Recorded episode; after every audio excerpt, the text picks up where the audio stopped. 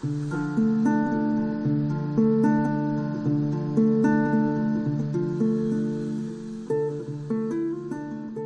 denk dat ik toen ik zeven jaar was, wilde priester worden. Ja, Jezuïeten zijn uh, religieuzen, waarvan de meeste priesters zijn, maar niet allemaal. Ik heb 55 jaar in Congo gewerkt.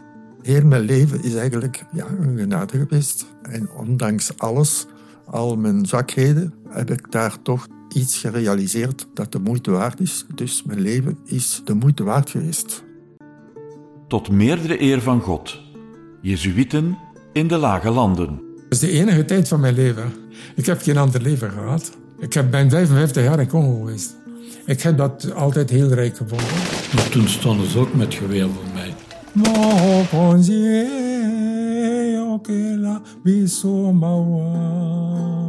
Wie gaat er nog naar de mis anders? Ene die zijn vinger opsteekt. Dat is een, een soort signaal binnen de school van het niet nutsgerichte studeren. Ze zouden elkaar vermoord hebben. Dat het zwaar is voor mij om hier terug te komen, ja. Ik had kinderen willen sterven. De Vlaamse Jezuïeten met rust betrekken een groot gebouw in Heverlee, een deelgemeente van Leuven. Ze zijn met 32. De gemiddelde leeftijd van de groep is 87. Hun Jezuïtenhuis bevat een kerk, een studentenhuis en een woonzorgcentrum.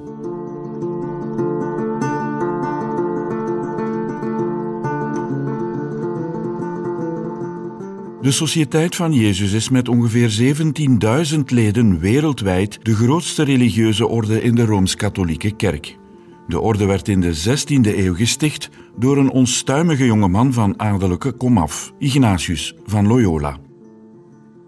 In de reeks audiodocumentaires Tot meerdere eer van God, Jezuïten in de Lage Landen, praat ik met Vlaamse en Nederlandse Jezuïten over hun overtuiging, hun geloof, hun inspiratie hun leven.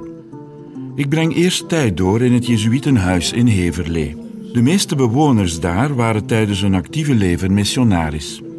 Al hebben ze het land en de mensen van wie ze gingen houden vaarwel moeten zeggen, in hun ziel blijven ze missionaris. In de context van de kerk met een grote K zijn ook deze Jezuïeten, zacht uitgedrukt, non-conformisten niet te beroerd om scherpe kanttekeningen te maken bij heilige huisjes. De kerk als instituut, de bisschoppen, de kolonialisering, het onderwijs en, zonder partijen bij naam te noemen, de politiek. De basis van hun inspiratie zijn de geestelijke oefeningen van Ignatius van Loyola. Een manier om persoonlijke keuzes naast de levenshouding te leggen van de man bij wie alles begint, Jezus van Nazareth. In deze aflevering praat ik met pater Johan Allary. Mijn naam is Johan Allary. Ben jezuïet. Ik heb 55 jaar in Congo gewerkt. Ik ben opkomstig van Knokke. Ik heb mijn humaniora gedaan in Roeselaar, het klein seminarie. Daar werd onder meer Pater Lievens, die in India gewerkt heeft, veel gewerkt heeft en dan ja, hij is moeten terugkomen van ziekte. En dan hier teruggekomen. Die werd daar nogal, uh, dus, uh, hoe zou ik zeggen, besproken. Mijn roeping van Jezuïet is, is daaruit gekomen. De eerbied voor lievens tijdens mijn humaniora. Er, was, er is nog iets anders. Mijn vader had gewerkt, als hij nog jong was, nog niet getrouwd, in een uh, grote houthandel en meubelmakerij in Liswegen. Dat werd beheerd door een zeker meneer Bulke.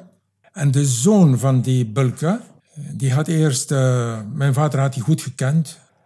Uh, die had eerst drie jaar ingenieur gedaan hier in Leuven. Die heeft die studie onderbroken en is ingetreden in Drongen. En is daar dan na drie of vier jaar naar Indië vertrokken, voor goed. En zij bleven in correspondentie.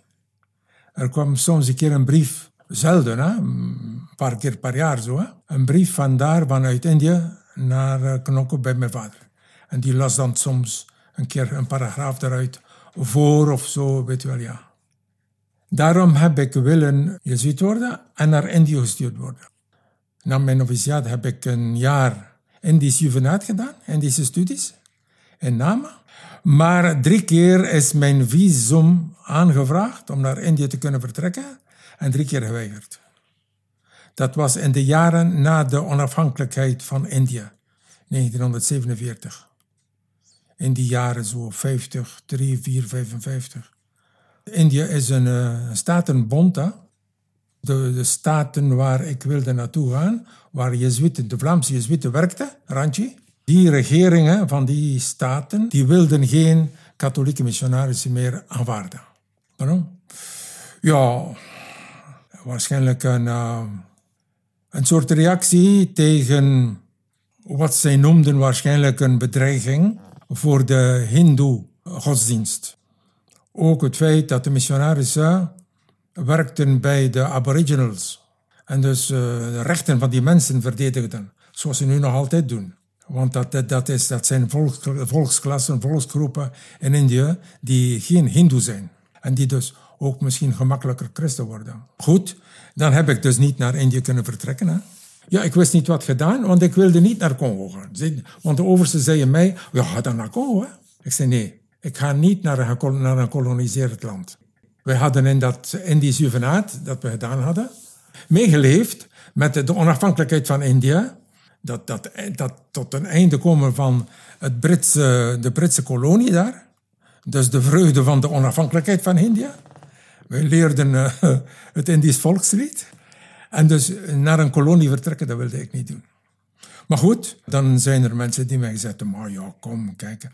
En vooral Pater van Wing, die, die leefde hier dan in, in Brussel. Ik ben daarbij geweest, dat toen. En die zei, nee, vertrek maar naar India, zult dat zien. Vertrek maar naar Congo, zult dat zien. Binnen een paar jaar is dat, dat gaat naar zijn onafhankelijkheid. Daar moet je niet mee in zitten. Het was niet gemakkelijk.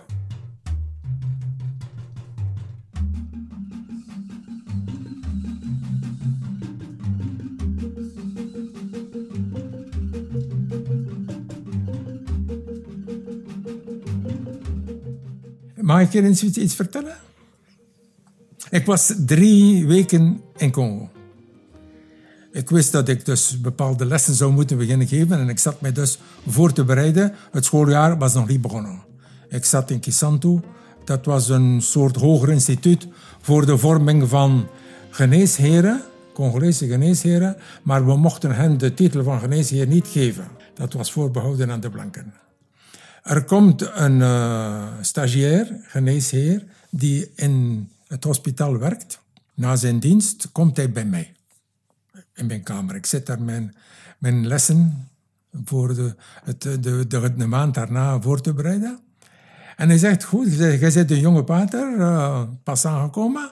Mag ik u uitnodigen om morgenavond bij ons te komen eten? Ach, ik was daardoor verrast natuurlijk. En ik vond dat... Uh, een aangenaam voorstel. Dus is blijkbaar dus iemand die, die mij wilde ontvangen. Ik was een vreemdeling. Ik kwam van 7000 kilometer ver. Maar ik zei tegen hem, ja goed, ik neem dat aan, natuurlijk graag. Maar uh, goed, ik ben nog jong, hè? ik ben nog in de vorming. Ik zal moeten toelating vragen aan mijn overste. Dus uh, na dat gesprek ga ik bij mijn overste en ik, ik zeg tegen hem, dat was uh, Louis Bruins, die later rector geweest is hier in, in de universiteit in Antwerpen. Ik zeg tegen Louis, voilà, hij vraagt mij, nodig me uit, maar ik mag wel gaan, zeker. Ik heb dat aangenomen, dat is in orde, zeker. En uh, Louis zegt tegen mij zo, ja, ja, ga maar. Maar er zal over gepraat worden, hè. Oh. Ik zeg, over gepraat worden? Door wie? Ah, in de communiteit. Waarom? En dan in het Frans. Ça ne se. Dus we waren dan in 1957 aannemen om bij een Congolees te gaan eten en dat doen. Of een Congolees uitnodigen bij ons om bij ons te komen eten. Ça ne se. Ziet je? Voilà. Dat is zoiets, hè. Ik ben natuurlijk gegaan. Ik heb daar lekker gegeten. En de volgende nacht natuurlijk aan tafel. Ja, waar was je gisteravond? Ja, ik was bij die man daar, die, die stagiair, dokter. Uh, ja, ja, ik heb het daar gegeten, ja. Wat heb je daar gegeten? Maniok. Maniok? Kunt je dat verteren? Dus van die domme vragen zo. Hè? Van, ik wil me natuurlijk mijn, mijn eh, medebroeders niet eh, beschuldigen, maar zo... Zie, dat is dan kom je als jong gast daar binnen. En dan kom je daar zo na drie weken kom je dat al tegen. Dat was, uh, hoe, noemt u dat? Een, een, uh, u zegt hoger achten, hè? superieur achten. Het was zelfs meer als dat. Hè? Dat we zeggen, we gaan daar niet bij. Niet alleen we zijn hoger, maar ook we hebben geen contacten, vriendschappelijke contacten. Allee, ten behalve, behalve uitzonderingen. Hè? Pater Bruins, dat was, een, dat was een magnifieke uitzondering. We hadden die jongens in de klas. Uh, dat waren dus toekomstige dokters. Dat waren dus mensen van ongeveer mijn leeftijd toen. Hè? 20 jaar, 22, 18 en zo. Hè? Maar het was ook afgescheiden zo. Hè? Dus dat was ik, we hebben geen vriendschappelijke contacten. Nee, nee, er is een afstand. Zo? Maar ik heb dus geprobeerd zo te leven. Door hen opgenomen en aanvaard. En dan een keer dat je door hen opgenomen bent en aanvaard, ja, dan kun je beginnen samenwerken. En dan zeggen zij hun gedachten, brengen zij hun, uh, uh, wat zij hebben, hun gedachten, hun, hun, inzichten enzovoort, over bij jou. En dan kun jij zelf ook jouw, jouw gedachten en wat jou bezielt overbrengen bij hen. Komt er dus een uitwisseling dan, ziet je?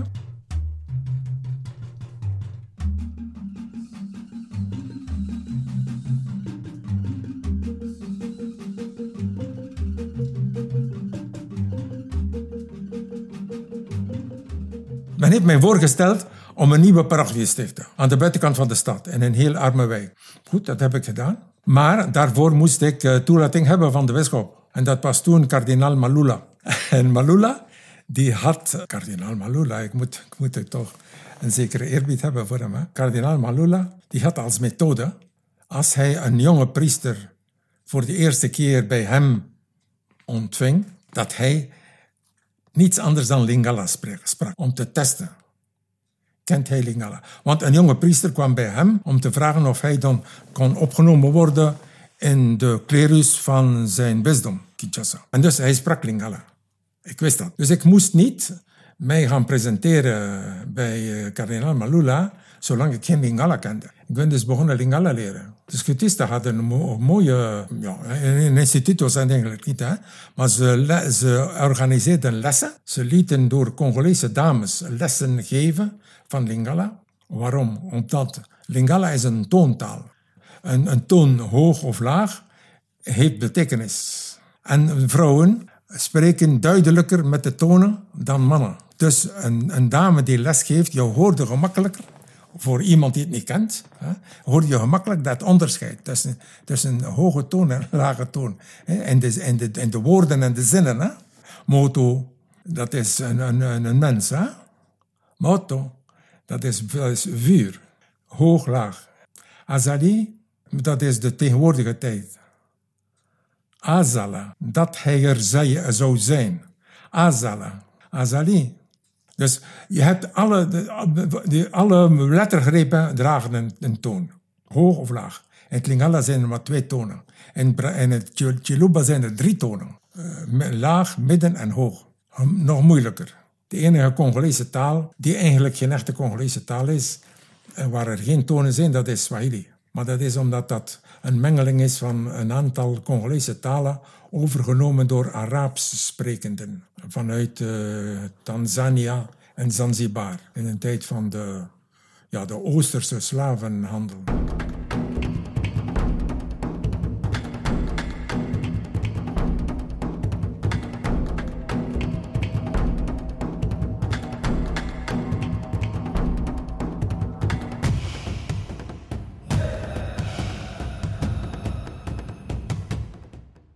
Tata wa biso ozali o likolo bato bakomisa nkombo ya yo. Bandima bokonzi bwa yo. Hoor je hoor je de, hoor je de tanden tonen en zo moet je altijd spreken. Zo spreek ik als ik Lingala spreek. Want ik spreek nog Lingala. Ik heb het goed geleerd hè? Wel, ik heb, er, ik heb dat maar drie jaar beleefd hè? van 57 tot 60 in 60 is dan de onafhankelijkheid gekomen dat was voor mij ook het einde van mijn eerste term in Congo. Dat, want ik was nog geen priester. Ik moest hier nog hier terugkomen om mijn vier jaar theologie te doen. en mijn derde jaar noviciaat. En dan pas terug te vertrekken. Hè. Maar ik probeerde de cultuur van die mensen, van die verschillende stammen waar, waarvan zij afkomstig waren natuurlijk. Want zij, waren, zij kwamen vanuit, vanuit twee derde van Congo. Zij kwamen uit de Kasaï, zij kwamen uit wat men toen de Hoge Congo noemde. Zij kwamen uit de Lage Congo, uit de Mayombe, ze kwamen uit Kikwit eh, enzovoort. Hè. Dus eh, ik probeerde hun dansen te leren kennen. Hun traditionele dansen. Ja, want dus, met, met studenten, wat kun je doen met studenten? Behalve lesgeven. Je kunt ook culturele avonden organiseren, hè, bijvoorbeeld. Want dat waren internen, hè? Die, die, die waren daar voor heel het jaar. Die gingen maar naar huis maar met een grote vakantie. Die bleven daar tien maanden. Dus af en toe een keer een culturele avond zo. Maar eh, ik probeerde dus eh, kunstavonden, culturele avonden te geven. Dans, een stukje toneel, een koor. Dat, dat, dan, dat dan zong in verschillende stemmen. Er waren er twee of drie kleine orkestjes die ze opgericht hebben. Met moderne Congolese muziek, rumba. Dat leer je dan dansen natuurlijk.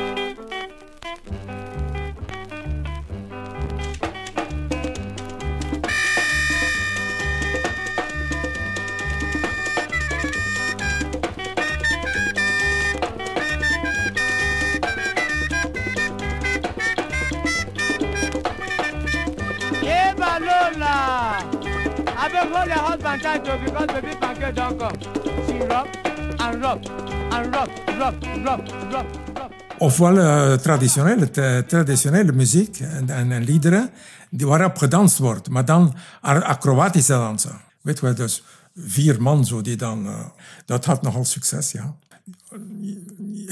Dat zijn acrobatische dansen. Als je zelf geen acrobaat bent, wordt dat wel meer uitgelachen dan iets anders. Hè? Maar je, hen aanmoedigen, hè? Hen aanmoedigen, zeg, want we, we waren, we waren met 160 studenten. Hè? Als je dus een, een, een vrolijke avond organiseert, wat zou je doen? Ah ja, we zouden dit doen, en we zouden dat. Wel, kunnen we dat hier niet, doen? Ik heb dus eh, van de broeder een speciaal in, eh, in, in de buitenlucht hè, podium laten eh, bouwen. En dus op dat podium dan dansen en liederen en kleine sketches en, die ze zelf schreven. Hè. Maar ik, ik, kan, ik kan niet goed meer zingen. Hè. Mokonzie, mokonzie, okela bisomawa, Christo, eh, eh, Christo, eh, okela bisomawa enzovoort. Dus ze hebben heel mooie liederen. Dus muzikaal zijn ze heel begaafd.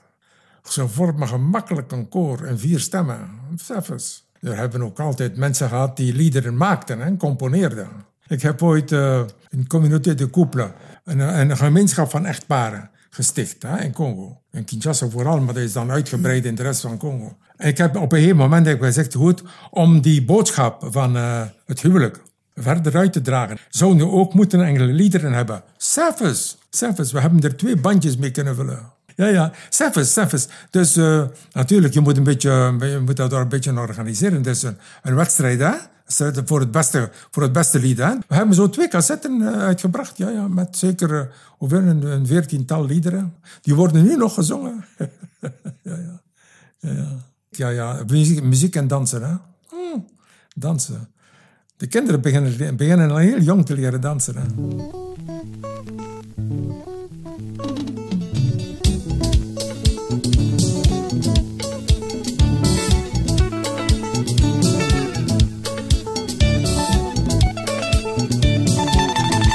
Ave Maria,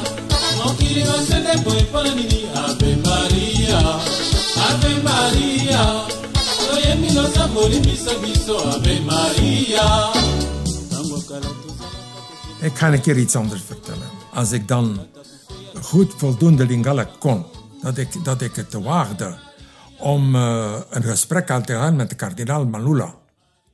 En dus te gaan zeggen, kijk, ik ben hier nu in uw bisdom. En uh, goed, als er, iets, als er iets kan gedaan worden, ik kan mij tot, u, tot uw beschikking stellen. Uh, voor zover dat ik tijd heb, behalve dus de job die de provinciaal mij had al toege, toegewezen had. Hè. Goed, ik ben daar gegaan. Hè. En dat is goed verlopen, hij sprak Lingala. En dan heeft hij mij zo op een andere keer geroepen. Hij zei, kunt jij parochie beginnen aan de rand van de stad, in een heel arme wijk, waar jij niet de pastoor zou zijn. Maar waar ik een leek benoem als verantwoordelijke van de parochie. En jij komt daarbij om de sacramenten toe te dienen. En jullie alle twee werken samen. Samen zijt je verantwoordelijk voor die parochie, maar die leek is de eerste verantwoordelijke. Ga je ermee akkoord? Ik zei ja. En dan zei hij tegen mij: Ik ben zeer tevreden dat je dat aanneemt. Als jonge priester. Want ik heb het, het Vaticaans concilie meegemaakt. Van, 62 tot 65 was in Rome geweest, ja. En daar heb ik geleerd wat ik vroeger nooit zo begrepen had. Wij, wij, wij moeten hier dus parochies inrichten, hier in Kinshasa. Ik ben, ik dus uh, bisschop. Maar ik, ik heb bijna geen Congolese priesters. Al die priesters zijn allemaal, eh, dus pastoor, onderpastoor, allemaal Europeanen. En ja goed, zij doen het zeer goed. En de, die scutisten die, die verantwoordelijk waren voor Kinshasa, die hebben daar zeer mooi werk geleverd. Hè? Heel mooi, hè? Maar zij doen dat op hun manier. En dat is niet onze manier. En er, zou, er moeten dus Congolezen komen, maar er zijn hier roepingen. Of veel te weinig roepingen. In de tijd tussen 60 en 70 hè, waren er ongeveer, waren praktisch geen priesterroepingen. Hè, de jeugd hè, die iets of wat gestudeerd had, die, die, die hadden zoveel mogelijkheden in, in al de sectoren van het openbare leven, dat ze daar goed geld konden verdienen en, en, zeggen, ja, en, en grote posten veroveren. Hè. En dus waren, waren er geen roepingen. Er moeten Congolezen aan het hoofd van die parochies komen. En ik zou dus willen beginnen met daar leken te zetten leken die ja, gedurende twee, drie jaar serieus gevormd zijn. Ja, een hoger instituut, een hoger godsdienstig instituut, ja, een catechetisch instituut, ja, ja, zo. Maar, maar goed, zo twee, drie jaar en dan verantwoord. En dan een priester ernaast. Zou je dan mee willen beginnen? Ik heb er al twee, drie die begonnen zijn. Ik ga gaan kijken naar die parochie daar en ga kijken naar die parochie daar. Ik dan naartoe. Dat trok mij aan. Ik zeg, goed, dat doe ik. En dan heb ik dus tien jaar op die manier gewerkt, hè, met een leek, we noemen die Mokambi. Mokambi wil zeggen eigenlijk uh, verantwoordelijke. Dat wil niet zeggen pastoor of zo. Hè.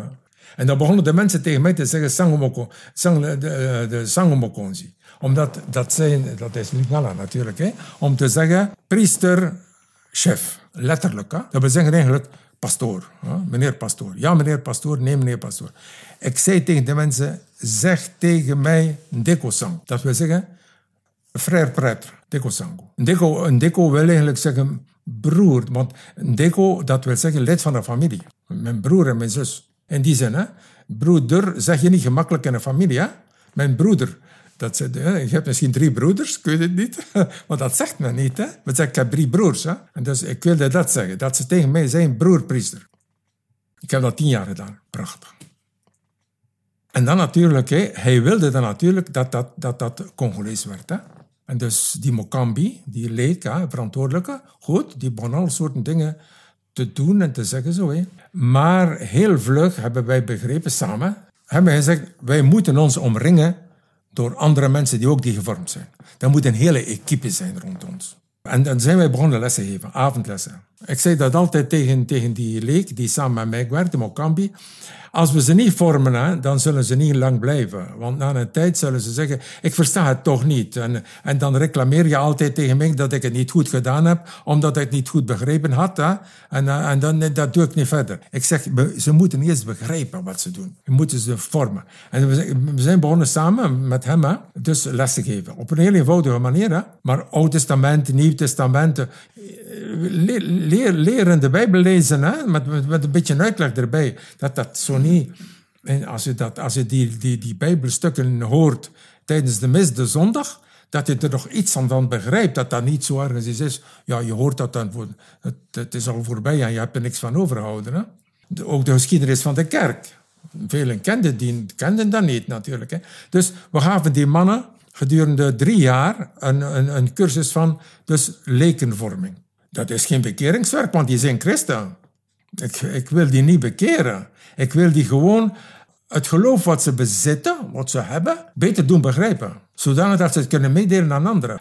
En er ook dieper van leven. Het lukte. We hadden dadelijk een twintigtal mannen en vrouwen die dat, die dat wilden meedoen.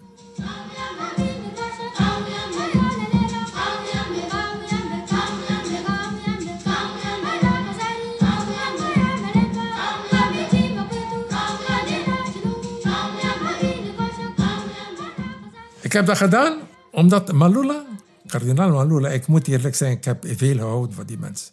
En veel uh, eerbied gehad voor hem. En veel achting. Ik heb veel nagedacht over dingen die hij zei. Want ik heb dikwijls met hem besproken. Als ik daar tien jaar geweest ben met die, in die parochie, met dus een leek naast mij, heb ik dan die parochie doorgegeven aan iemand anders. Hè? En heeft hij mij gevraagd om uh, directeur te worden van, van een pastoraal centrum dat het bisdom toen niet bezat, maar waarvan hij wilde dat ik dat oprichtte.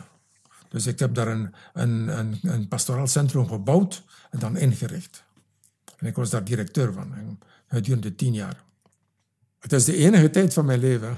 Ik heb geen ander leven gehad. Ik heb mijn 55 jaar in Congo geweest. Ik heb dat altijd heel rijk gevonden. Dat het zwaar is voor mij om hier terug te komen, ja. Ik had kinderen willen sterven. Maar ik heb kinderen een soort kanker gekregen die zich kinderen niet kunnen verzorgen. En waarvan mijn Congolese confraters weten dat dat hier hier kan verzorgd worden. Hoe wilt je dat hier blijven zitten, ondergaan en over, over een jaar, anderhalf jaar moeten we hier begraven. En we weten dat indien je naar Ginder gegaan wordt, wordt je Ginder genezen. En, ja. Dus ga terug en laat u hier vervangen door uw werk. En ik heb dat gedaan natuurlijk. Nu nog, is met pijn het hoofd. Ik, ik, ik steek dat niet weg. Ik heb kameraden die Ginder gestorven zijn, nu, nu. En die in dezelfde leeftijd hebben als ik die geen kanker gekregen hebben en dus die niet, niet vertrokken zijn en ondertussen dan gestorven zijn. Daar is uw hart en daar wordt je door zoveel vrienden omringd. Bon, het is heel moeilijk geweest om daar weg te gaan. Ik heb natuurlijk mijzelf moeten opleggen dat ik hier niet moest zitten treuren.